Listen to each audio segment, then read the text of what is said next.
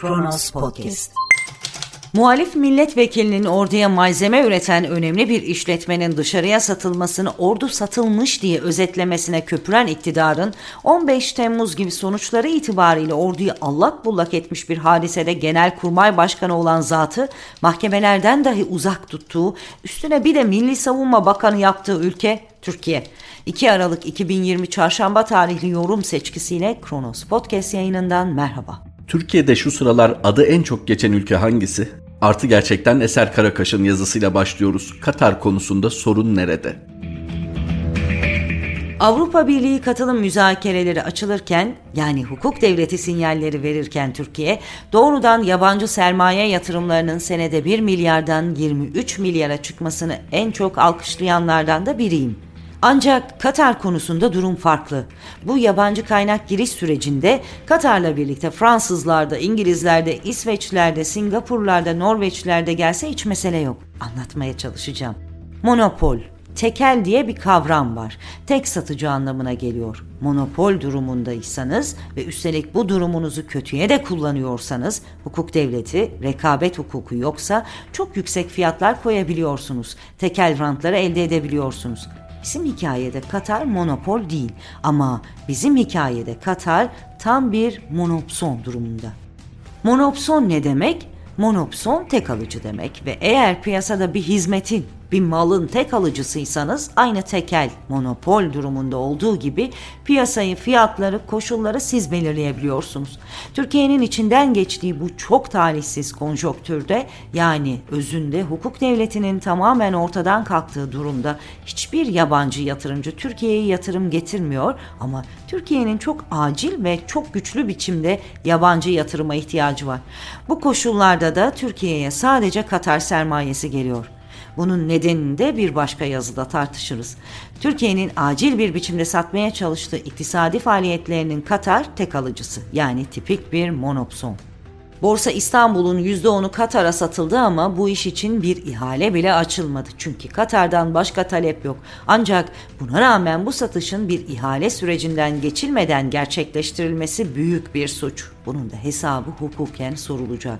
Aynen varlık fonuna dahil edilen kamu mallarının Sayıştay denetimi dışında bırakılması gibi bu da çok vahim bir hukuk ihlali, bir suç. Katar bu ortamda tipik bir monopson yani tek alıcı ve işlemlerin fiyatını da koşullarını da kendisi tek başına belirleyebiliyor. Varlık fonundan yapılan açıklama İstanbul borsasının %10'unun satışından 200 milyon dolar gelir elde edildiği belirtildi. Emin olunuz bu satışta Katar monopson tek alıcı olmasaydı devletin kasasına 200 milyon dolardan çok daha fazla para daha iyi koşullarda girebilirdi. Türkiye'nin hukuk devleti yokluğundan sıkışıklığı yabancı yatırım talebinin yine bir ekonomi tabiri kullanacağım yabancı kaynağı olan talebinin esnekliğini adeta sıfırladı. Kim neyi ne kadar hangi koşullarda getiriyorsa kabul etmek mecburiyetinde Türkiye ekonomisi. Bu durum Erdoğan rejiminin iflasının çok açık bir görünümüdür. Katar özelleştirmelerde satışlarda tek alıcı monopson durumundadır. Türkiye'nin yabancı kaynak talep esnekliği sıfırdır. Bu durum aslında milli egemenliğimizin de sonudur. Yerli ve milli diyerek gelinen yer ibret vericidir. Artı gerçekten Eser Karakaş imzalı satırlar aktardıktan sonra gazete duvardayız. Sağlıktan ekonomiye veriler önemli. Kemal Can, rakamlar ve vebal diyor. Rakamlar bilgisayar, televizyon ve telefon ekranlarından akıp gelen, sinsice zihinlere sızan yoğun bir görsel bulaş ortamı yaratıyor. Dijitalleşmeyle kendileri de birer rakama, sayısal veriye dönüşmüş insanlar giderek daha yoğun bir sayı taarruzuna uğruyor. Her şeyin ancak sayı olarak görüldüğünde veya işitildiğinde anlam kazanacağı inancı kökleşiyor. Her şeye rakamlar hükmediyor. Onları yönetebilen de sınırsız güç kazanıyor. Ancak iktidarların, bilgi tekellerinin, uzman yönlendiricilerin durmadan insanların önlerine koydukları sayı yığınları daha fazla şey bilmeyi sağlamıyor. Daha çok veriyle konuşmak, daha çok şeyden haberdar olmak anlamına hiç gelmiyor. Bakınız Bakan Koca'nın tuhaf yüzdeleri ve acayip karşılaştırmaları. Enflasyon rakamları, işsizlik oranları, Türkiye'nin dünyadaki yeri, uçmak veya acı reçete her şey rakamlarla servis ediliyor. Çalışan sayısı azalırken işsizliğin düştüğü, daha az doyarken fiyatların artmadığı, uçarken acı ilaç içme ihtiyacı öyle düz bilgiler halinde ortaya atılmıyor. Hepsinin dayandırıldığı koca koca rakamlar var. Her şeyin belgesi, verisi var. Boş konuşmuyoruz, rakamla konuşuyoruz. Başka bir etki ve sonuç istendiğinde ise musluğu sıkılan, söylenmeyen, kenara ayrılan yine sayılar. Varmış gibi göstermenin aracı da yok gibi davranmanın imkanı da aynı kaynaktan. Alışveriş yapmaya çıkmış biri hayatın pahalı olduğunu ekonomi televizyonlarındaki alt bantlardan öğrenmiyor. Çocuğuna ne kadar süredir iş aradığını bilenler Türkiye İstatistik Kurumu istatistiklerini takip etmiyor. Ama her alanda rakam kontrolü devrede. Depremin büyüklüğü yönetilemiyor ama onu ölçen sayı anlaşılmaz bir kısmaya uğruyor. Herkesin yaşayarak gördüğü sorunları yok sayan rakamlar ileri sürülüyor. Hazinede kaç para kaldığını meğer Cumhurbaşkanına söylememişler diye haber yapılabiliyor. Böyle bakınca bu rakamlar kontrol edilse ne olur? Sonunda vaka sayıları bile ortaya çıktı. Sanki insanlar gerçekleri görmüyor mu? Ya da gerçeği bilseler ne olacak gibi pek çok şey söylenebilir. Yapılan rakamları ikna edici hale getirmek olsaydı bunlar doğru olabilirdi. Fakat rakamlar sadece bu yüzden kontrol edilmiyor. Hatta ikna edici olmayan veya açıkça yalan olduğu bilinenler bazen yasakla bazen zorlamayla hakim kılınıyor.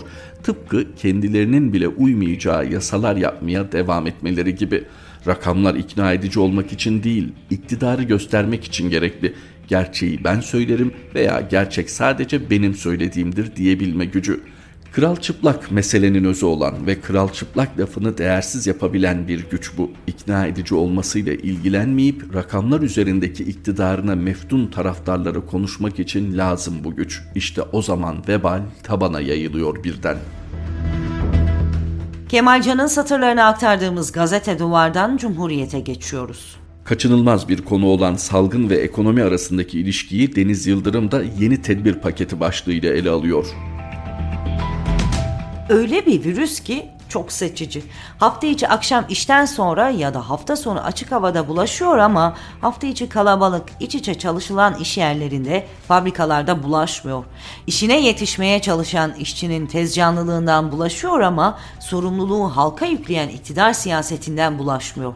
Hafta içi akşam 9'dan sonra bulaşıyor ama hafta içi sabah 5 ila akşam 9 arasında bulaşmıyor. Toplu taşımada bulaşıyor ama özel araçlarda bulaşmıyor. Kafede, lokantada bulaşıyor, açık havadaki Luna Park'ta bulaşıyor ama AVM'lerde bulaşmıyor. 64 yaş o denli sorun değil. 65 yaştaysa risk büyük. 19 yaşındaki genç çok gezerse virüsü yayıyor. 21 yaşındaki ise o kadar yaymıyor. Okullarda bir süre bulaşmıyor sonra bulaşıyor. Nereden bilsin ki? Öyle değil mi? İktidar Partisi'nin il ilçe kongrelerinde millete çay fırlatılan mitinglerinde ya da açılış törenlerinde bulaşmıyor ama evlerdeki mevlitte, taziyede, yılbaşı kutlamasında bulaşıyor. Öyle bir virüs işte. Komik ve çelişkili ama gülmüyor ağlıyoruz. Canlarımızı yitiriyoruz. Vaka sayılarında ilk beşteyiz. Bu seviyede vaka sayısının olduğu ülkelerde tam kapatmaya geçildi ya da buna yakın tedbirler alındı, alınıyor. Ekonominin bu halinden kim sorumlu? Bizde mi? Hazırlıklar yeterli düzeyde yapılmadı. Yazı bir atlatalım, turizmi bir canlandıralım da mantığıyla geldik buralara. Kara kış kapıda. Tam kapatma zorunlu. Kimsenin sokakta yatmaması, her yurttaşın evde faturayı düşünmeden, hastalanmadan ısınabilmesi, bağışıklığı için gıdasını çeşitlendirmesi de gerekiyor. İktidar bu bütünsel tedbirleri alamıyor. Niye? Yine kötü ekonomik durum yüzünden. Üretim durmasın. Model çöktü bedeli halk ödüyor. Görülmesin konuşulmasın diye ey CHP nutukları devreye giriyor. Başka ülkeler üretimi durdurabiliyorsa iki nedenle. Ya zor günler için hazinede para vardır ve milletin vergileri yerinde kullanılmaktadır ya da ekonomik model kuzey ülkelerinde olduğu gibi evden çalışmaya daha fazla olanak sağlayan sektörlere doğru uzmanlaşmasını sağlamıştır. Her ikisini de yapan tedbirleri alıyor, ekonomisi zora düşmüyor. Yine bize bakalım. Maliyenin, hazinenin hali ortada. Bakan gitti, acı reçeteden de bahsediyorlar. Vergi mi eksik? Değil. Gelirimizden, tükettiğimizden vergi üstüne vergi alınıyor. Nerede bu paralar? Nasıl harcanıyor? Halktan alınan halka böyle bir dönemde geri verilemeyecekse o vergileri niye ödüyoruz? İyi de işler daha da kötüleşince tam kapatma tedbiri mecburen alınacak. Göreceğiz ve çok geç kalınmış olacak. O zaman bilim insanları, muhalefet partileri çıkıp da gördünüz mü biz haklı çıktık desene fayda. Sonuçta o tarihe kadar on binlerce yeni hasta, yüzlerce de kaybımız olacak. Gidenleri geri getirecek mi? Getirmeyecek. Peki gerekli tedbirlerin alınamamasının, ekonominin iki haftalık tam kapatma kararını bile kaldıramayacak durumda olmasının sorumlusu halk mı ya da muhalefet partileri mi? 18 yıldır iktidarda hangi parti var?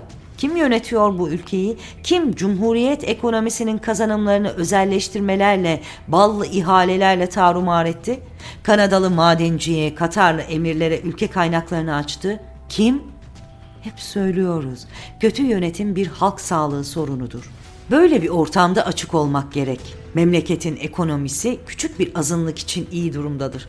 Büyük çoğunluğa ise bu küçük azınlığın refahı sürsün diye virüs ve ölüm riski altında çalışmaya devam etmek dayatılmaktadır. Yasaklarla bir yandan da gündelikle geçinen güvencesiz yüz binlerin ekmek kapısı kapatılmaktadır. Çalışamayan milyonlara, müzisyene, seyyar satıcıya, lokantadaki garsona, sokaktaki simitçiye yeterince el uzatmayan modelin sorumlusu kimlerdir? Önce bu derinleşen sorunları konuşalım ve çözüm arayalım. Asıl soruna odaklanalım. Deniz Yıldırım'ın satırlarıydı. Cumhuriyetten sonra bir gün var sırada. Kaan Sezyum soruyor. Ne yapacağız be Kamil? Ne yapacağız be Kamil? Memleket borç içinde. Eve ekmek götüremiyoruz diyorsun. Bana abartılı geldi diyorlar. Sanki zevkimizden söylüyoruz. Sanki keyif olsun diye mutsuzuz. Sanki böyle yaşamak hoşumuza gittiği için acı çekmeyi seviyoruz. Sanki mazoşistiz de her işimiz ucu ucuna gidiyor. Sanki hasta olup ölmeyi seviyoruz da zorla metrobüse, metroya tıkış tıkış biniyoruz. Sanki özellikle memlekette sorun olsun diye çıkıyoruz. Ağaçları kesmeyin. Böyle saçma bir kanalı binlerce yıllık şehrin ortasına saplamayın kalmayın diyoruz. Sanki memleket geri kalsın istiyoruz da o yüzden üniversitede öğrenciyken aklı hür, bilinci hür, bilime dayanan eğitim istiyoruz. Sanki manyağız da keyfimize madenlerde ölüyoruz. Sanki aptalız da bize 1800'lerde de böyle şeyler olurdu diye masallar anlatılıyor.'' Sanki bir biz kötüyüz de sen haklısın, sen doğrusun Kamil. Sanki onca okumuş insanın kafası hiçbir şeye basmıyor da bir senin keskin zekan ve uyanıklığın her şeyi çözüyor. Sanki biz elde avuçta ne var eşe dosta satmayı bilmiyoruz da bir sen uyanıksın, sen ileri görüşlüsün. Deremizi, toprağımızı, dağımızı, fabrikamızı, arsamızı ona buna satıyorsun. Sanki biz bilmiyoruz yol yapmayı da bir tek sen yol yapıyorsun be Kamil. Hoş senin yaptığın yol da bir enteresan, bir ilginç. Dünyada bir ilk herhalde geçiş garantili yol. Geçmesen de ver parasını diyorsun Kamil. Dünyada bir ilk herhalde ya da bizim kafamız basmıyor. Hasta garantili hastane olur mu be? Hastayı değil, sağlıklı bireyi, sağlıklı vatandaşı garanti etmiyorsun da bir tek senin aklın kesiyor bir bıçak gibi. Bir tek sen uyanıksın, pırıl pırılsın da hasta garanti ediyorsun.'' Bizim aklımız herhalde yetmiyor bir liralık işi eşe dosta bin liraya yaptırıp ondan sakal almaya. Biz iş insanı değiliz demek ki. Bize koyun versen onunla arkadaş oluruz. Sana verdik koyunları keçileri. Ya kayboldu koyunlar ya keçiler kaçtı ya seni pazarda kazıkladılar kandırdılar. Yine gelmiş bizden hayvanlarımızı istiyorsun. Bir bizim aklımız yetmiyor ki herhalde biz bize yetiyoruz o yüzden. Bir bizim kuş beynimiz hasta sayılarını saklamayı vatana millete karşı suç olarak görüyor ki sen aylarca bu verileri verileri hem milletinden hem de dünyadan saklıyorsun. Sonra gerçekler zeytinyağı gibi su üzerine çıkınca da aynen yüzün bile kızarmadan devam ediyorsun Kamil'im.'' Ne yapacağız be Kamil? Bunca zaman ne ettik sana? Bizden ne istedin? Köylünden ne istedin? Hadi bizi bırak. Neden tohumlarını yasakladın köylünün? Neden tarım arazilerine çöktün, imara açtın? Neden yurt dışından gelen tarım ürünlerine öyle avantajlar sağladın ki yurdunda üreten gariban köylü için arazisini satmak, arazisinden bir şeyler üretmekten daha kar etti? Ne istedin zeytinden? Ne istedin ağaçtan? Bir bizim aklımız saf herhalde. Meydanda şöyle güzel bir ağaç olsa da gölgesinde sıcak günler günlerde durabilsek diye düşündük. Ama sen akıllısın, sen bir tanesin. O yüzden o ağaca da gerek yok. Bir sen akıllısın, herkes aptal. Bir sen uyanıksın, herkes saf. Bir sen en iyisini bilirsin, herkes ne bilsin. Ne bilelim lüks arabaları, lüks uçakları, en pahalı meyveleri ve yemişleri. Tabii ki akıllısın, sen bileceksin değil mi Kamil?'' Bir günden aktardığımız Kaan Sezyum imzalı satırlar bu birlikteliğimizdeki son paylaşımımızdı. Gülden Gül Batı Bay Şahin ve Mehmet Şahin yeni yorum seçkimizde Kronos Podcast yayınında tekrar buluşmak üzere. Hoşçakalın.